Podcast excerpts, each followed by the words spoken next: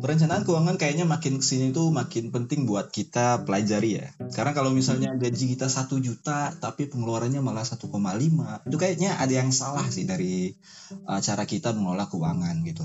Nah uh, podcast Jingan kali ini bakalan ngebahas tentang itu ya cara mengelola keuangan gitu atau dalam bahasa Inggrisnya financial planning. Nah tentunya ngebahas ini sama masternya dong. Kalau saya sendiri ya kayaknya ya kurang kurang afdol lah gitu karena kan nggak punya ilmunya gini. Sini ada Master of Financial Planning dari Bandung. Ada Bunda Deka di sini. Halo Bunda. Halo. Oke. Ini tag kedua ya. Belum rekam. Iya, tadi nggak kerekam.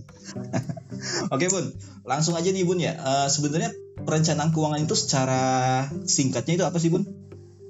Sebenarnya sih kalau dari aku ya, secara aku pribadi yang mudah yang mudah dipahami dan sepemahaman aku ya, karena aku balik lagi Reza gue bukan master ya. Sebenarnya pengelolaan atau financial planning itu ya lebih ke gimana kita mengelola keuangan kita ya minimal supaya tadi nggak apa sih nggak minus gitu gaji satu juta tapi keluarnya satu setengah juta kalau sebisa mungkin kan maksudnya gaji satu juta setidaknya kita ada nyimpennya tiga ratus ribu sisanya tujuh ratus buat hidup se, se apa ya seminimnya sih kayak gitu sebenarnya ke pengelolaan keuangan dan perencanaan ya supaya kita nggak istilahnya nggak terlilit hutang tidak terlibat pinjol tidak punya apa ya eh, ya gitulah nggak nggak ngutang ketika nggak punya uang gitu loh. Jadi ya gimana cara kita ngelola gaji kita sebaik mungkin supaya istilahnya ya bisa hidup minimal dari gaji ke gaji. Itu loh tanpa punya utang. Kalau uangnya dikit ngelolanya gimana? Ya kalau sebenarnya gini sih kalau uangnya dikit berarti satu ada dua maksudnya ada dua cara. Yang pertama ya lu harus ngehemat hemat banget ya. Itu yang pertama. Yang kedua ya mau nggak mau berarti lu harus nambah skill dan Uh, cari kerja tambahan. Kalau emang perannya lu ya. masih merasa eh, masih merasa kurang ya berarti harus buka lagi sumber penghasilan yang lebih banyak lah kalau emang kebutuhannya juga banyak gitu Kalau kita kali ya kayaknya kebutuhannya apa sih ya? Kayaknya Kayak apa? belum ada yang terlalu ini ya, belum ada yang terlalu penting gitu buat orang yang beda sama Ya. orang yang udah berkeluarga kayaknya ya. Heeh, heeh, heeh, heeh. Kalau kayak justru menurutku ya, kalau kayak kita tuh harusnya nih, harusnya orang-orang muda kayak kita tuh bisa saving sih lebih banyak Ya. ya. Cuman kan kembali lagi kalau menurut aku orang-orang mana-mana gedein gengsi ya. Maksudnya daripada menyesuaikan dengan kemampuan dirimu gitu. Jadi Anda memperbesar gengsi dan menyusahkan diri sendiri. Orang-orang sekarang kan maksudnya banyaknya gitu ya, dengan maksudnya gaji berapa tapi nggak bisa menyesuaikan pola hidupnya kayak gimana gitu. Mungkin itu karena ini kali budek karena eh, kebanyakan dari kita itu masih butuh pengakuan nih. Kalau misalnya HP-nya Nah, nah. wah udah ber- udah pakai iPhone 13 aja nih gitu. Wah, Nah, udah jalan-jalan ke sini aja dia mungkin yang dicari itu gitu. Sementara jangka panjangnya mereka lupa gitu bahwa Hmm. ntar udah ini gimana nih gitu.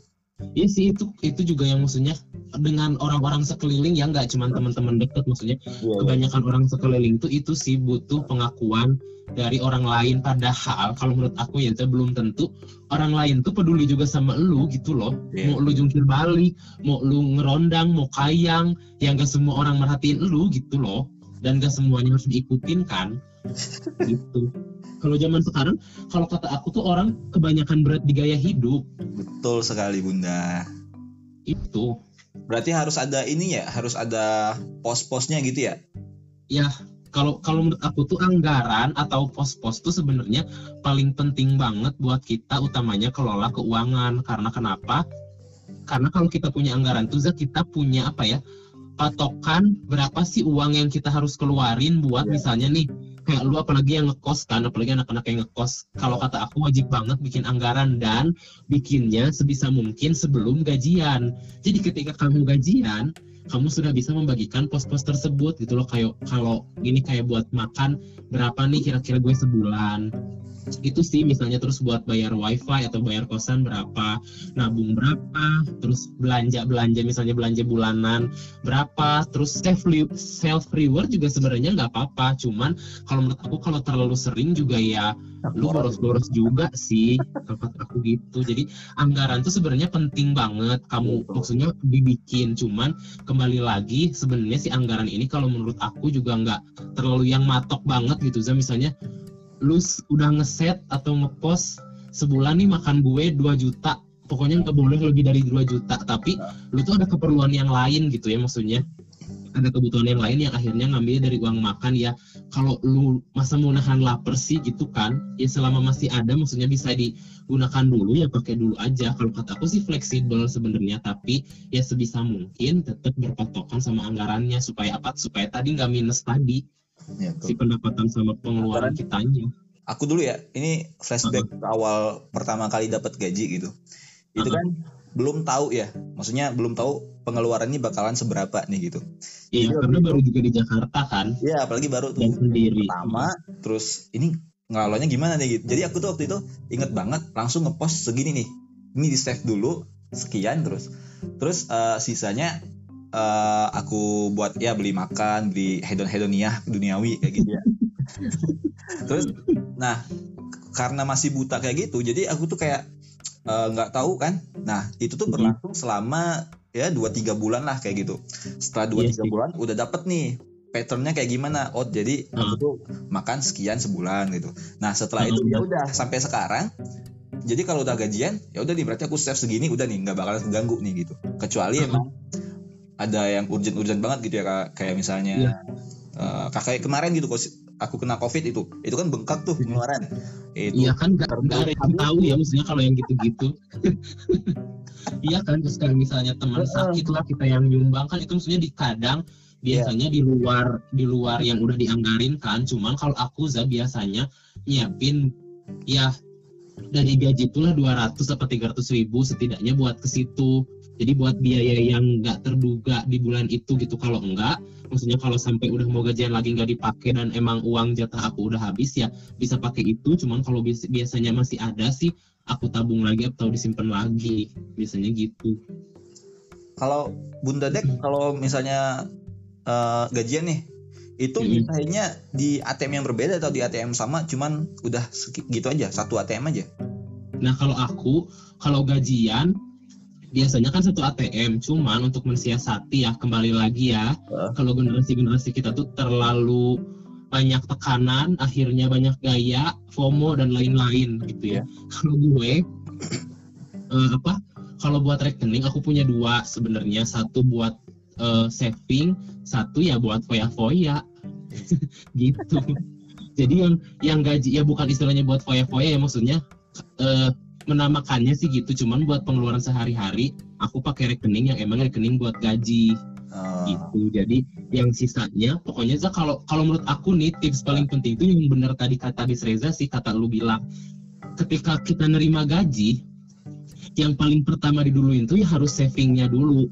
Kalau menurut aku ya setelah itu ya emang kita juga mestinya perlu sedekah lain-lain yang gitu-gitu sih perlu juga. Cuman kalau menurut aku lebih baik kita tuh saving di awal. Karena nabung tuh kan kita yang harus sisihin ya iya bukan betul. nyisain. Kalau nyisain kan nggak kekumpul kekumpul pak. Mau sampai kapan gitu kan? Ya Aku yang kalau- ada sisa lagi kalau sisa aku lagi di gitu akhir kan. paling dapat 100 200 iya gitu kan? Karena kayak gitu ya berarti berarti sebenarnya pola pengaturan keuangan yang usia-usia kita tuh sebenarnya sama cuman yang susah tuh memang mungkin di merubah kebiasaannya atau si habitnya itu sih Za. sama tuh kayak aku juga begitu gajian nih misalnya gajian tanggal sekian otomatis begitu nerima setengahnya atau mungkin 40 persennya langsung aku pisahin gitu buat jatah nabung atau invest gitu.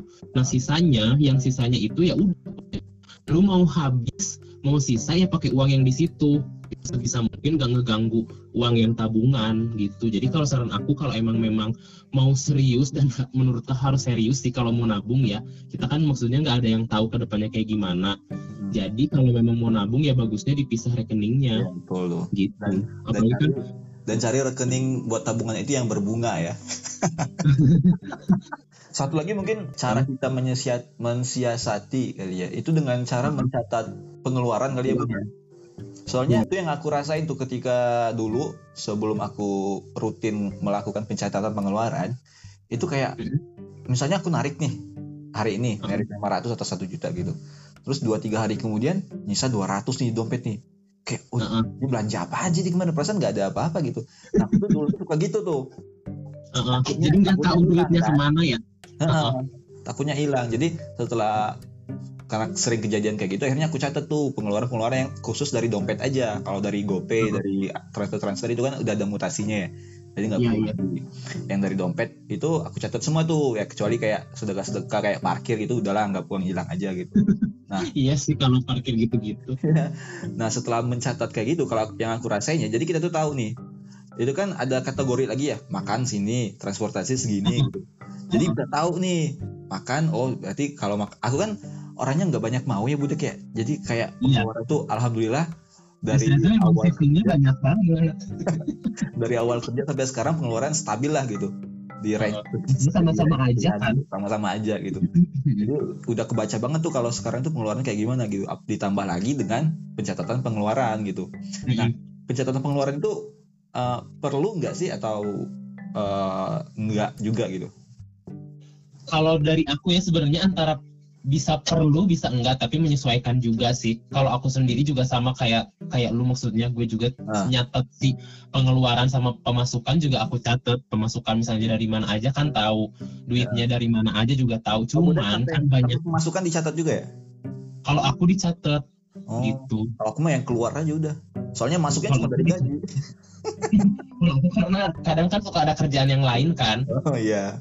Gitu. Apa kayak tuh misal dari dari WO gila lo dari WO atau misalnya apalah ngetikin aku kan kadang suka dapet job dari dosen-dosen dulu kan ngetikin buku atau apa nah biasanya juga aku catet pemasukannya gitu Iya, iya, sih sebenarnya penting penting banget sih nyatet juga Zak Iya. karena biar tahu alurnya itu loh kayak yang lu bilang. Jadi biar tahu ini duit gue tuh gue narik segini tuh ke mana aja? Iya gitu kan jadi itu tahu porsinya. Soalnya itu sih dosen- makanya pentingnya juga bikin anggaran tuh itu. Jadi si pengeluaran yang lu bisa sesuai sama si anggaran yang udah lu bikin. Udah kayak gitu. Apakah eh, invest adalah termasuk financial planning? Ya betul. Kalau menurut aku balik lagi ke tujuan keuangannya dan sejauh mana pemahaman kamu terkait investasi. Itu sih karena kayak percuma juga lu investasi tapi nggak tahu tujuannya buat apa. Kayak misalnya lu tujuannya pengen beli eh, mini maksudnya kayak ganti gadget atau mungkin beli laptop atau mungkin dana buat nikah dana darurat dan lain-lain. Maksudnya lebih semangat ya kalau kitanya oh di gue tuh harus invest karena target gue tuh buat nikah maksudnya buat beli rumah. Gitu sih kalau aku dan selain itu juga selain kalau kita punya tujuan lebih semangat tuh jadi kita juga lebih tahu sih instrumen investasi mau di mana. Hmm. Gitu apakah di reksadana apakah di saham apa di emas apa di deposito biasa obligasi P2P lending kan banyak kan maksudnya produk investasi sekarang. Dan mudah banget sebenarnya buat kita investasi tapi balik lagi kalau menurut aku disesuaikan dengan tujuan keuangan dan kemampuan kita juga. Dan yang paling penting sebenarnya investasi dulu dari leher ke atas. Mau belajar dulu sih jangan ikut-ikutan orang. Betul. Tahun lalu banyak banget kayak investasi saham ini gue eh, apa namanya trading saham trading saham segini segini rugi nangis ya gitu tuh lu juga ngalamin kayak gitu Enggak dulu pas reksadana, aku kan eh, kayak ikut-ikutan aja gitu. Ah, invest ah di reksadana gitu. Invest tuh waktu itu di reksadana. Nah, aku tuh bahkan nggak tahu saham apa aja yang aku punya di reksadana itu.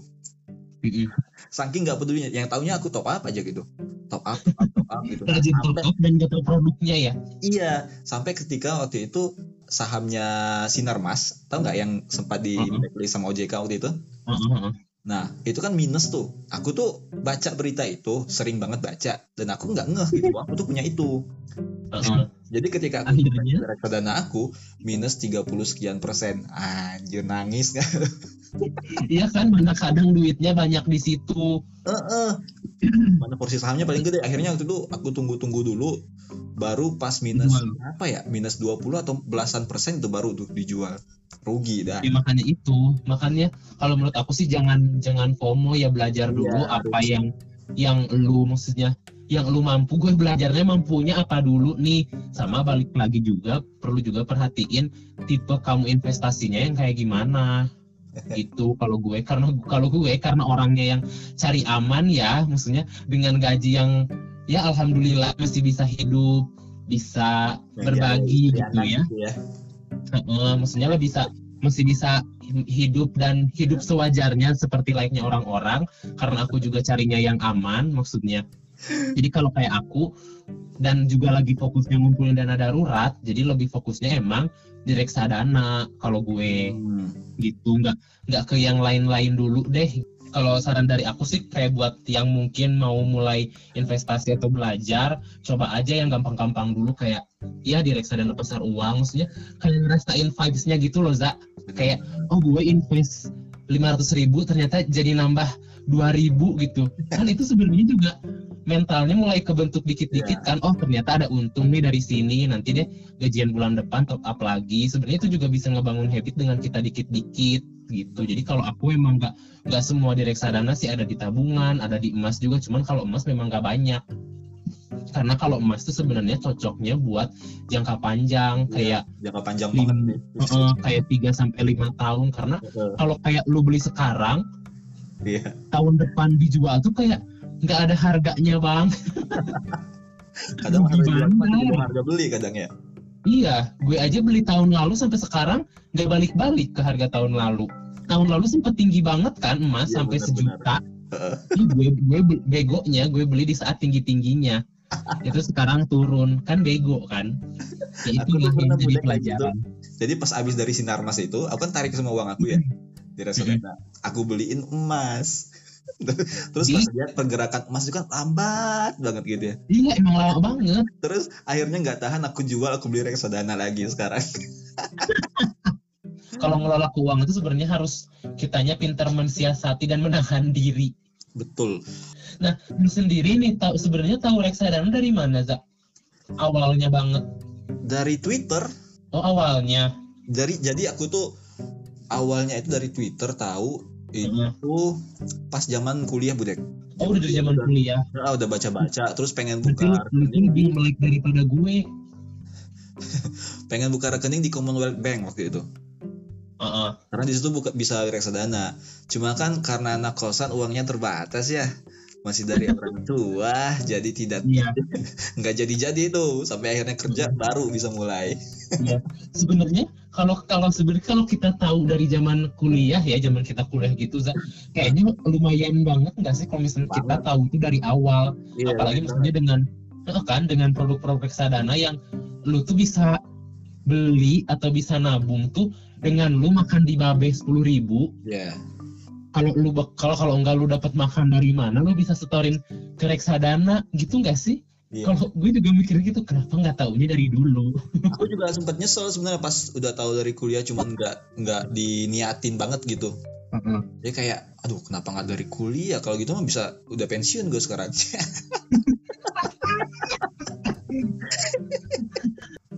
dan satu lagi nih Zak kalau kata gue ya Nah, yang penting banget sebelum lu investasi utamanya ya dan punya rencana keuangan. Hmm, kalau kata aku juga yang penting kamu punya tuh si asuransi. Hmm, ya betul. Eh, minimal lu punya asuransi BPJS lah BPJS kesehatan. Karena balik lagi kan sakit mah nggak ada yang tahu. Cuman kan setidaknya kalau dengan lu punya BPJS tuh ketika lu ada apa-apa dan lu amit-amit ya ya masuk rumah sakit kan lu bisa pakai si BPJS-nya gitu dengan nggak mengurangi eh, kekayaanmu di tabunganmu. Itu tidak tergerus gitu kan mahal banget tau. Aku pernah ya tahun lalu itu ngebersihin, kuping doang bung. THT ke rumah sakit ya dokter spesialis THT kan pengen bersihin kuping. Kena invoice-nya itu 700 sekian. Astagfirullah gitu.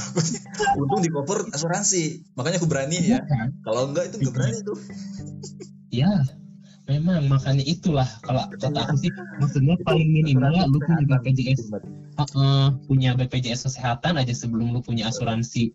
Asuransi yang swasta gitu loh. Kalau punya setidaknya lah asuransi kesehatan ya lu periksa dapat dapat obat bisa sembuh tanpa mengurangi dan mengganggu cash flow bulanan lu gitu loh. Itu karena kesehatan tuh gitu sih kitanya nggak ada yang tahu. Dan kalau lu nggak punya pengaman maksudnya yang nggak punya sabuk pengaman ya jadinya boncos. Udah pertama lu nggak kerja kan maksudnya kalau sakit. Hmm, tuh. itu penting banget. rekap lagi bu ya? Dari jadi financial planning tadi pertama itu harus punya uh, tabungan ya. Jangan asal terima gaji terus diambur-amburin gitu itu terus usahain punya dua ATM satu buat nabung Ya, itu- satu buat itu tips sih sebenarnya tips Ya. aja tips-tipsnya terus yang satu lagi invest sebisa mungkin invest reksadana Hmm. yang paling aman kayak gitu Iya terus terakhir uh, apa tadi asuransi, Asuransi. gitu ya Oke, udah sih. eh, segitu dulu nih dari podcast jangan kali ini. Eh, kalau mau ya itu tadi gitu ya, udah ada kesimpulannya gitu. Jadi praktekin aja buat yang baru-baru kerja ya itu jangan boros-boros banget gitu. Harus tahu eh, pos-posnya kayak gimana gitu harus diatur supaya eh, cepat kaya ya. betul Betul sekali. Oke. Bu, Bu Deka, eh, makasih Bu Deka. Heeh, sama-sama mungkin ini sih kalau Ya. kalau misalnya nih dari teman-teman podcast lo apa sih podcast jingan Iya. ya kan dari teman-teman podcast jingan yang emang maksudnya mau share atau mau ngobrol doang aku sebenarnya terbuka dan emang Tuh. ngobrol kayak gini ngomongin uang ngomongin eh, lifestyle gaya hidup Orangnya self development juga kalau maksudnya ya kalau misalnya mau ngobrol lebih jauh kayak mau dm dman juga boleh Oh, Deka Ahmad ya Instagramnya ya. at Deka Ahmad R Oh, Deka Ahmad R. aku terbuka kok nanti sharing aja gitu kalau memang mau seperti Des Reza sekarang ya ngobrol-ngobrol aja nggak sih membuka sudut pandang Iya, benar. baru nggak sih Benar-benar. Tuh follow tuh Instagramnya Deka Ahmad R, CEO Hmm. Finansialku. bukan follow juga finansialku.com Oh, finansialku.com tuh. Oke, makasih Bu Deka ya. Eh, yo sama-sama di Bandung. semoga sharingnya bermanfaat Ya, dan banyak yang dengerin langsung mempraktekkan siap. Dadah, thank you Bu Deka.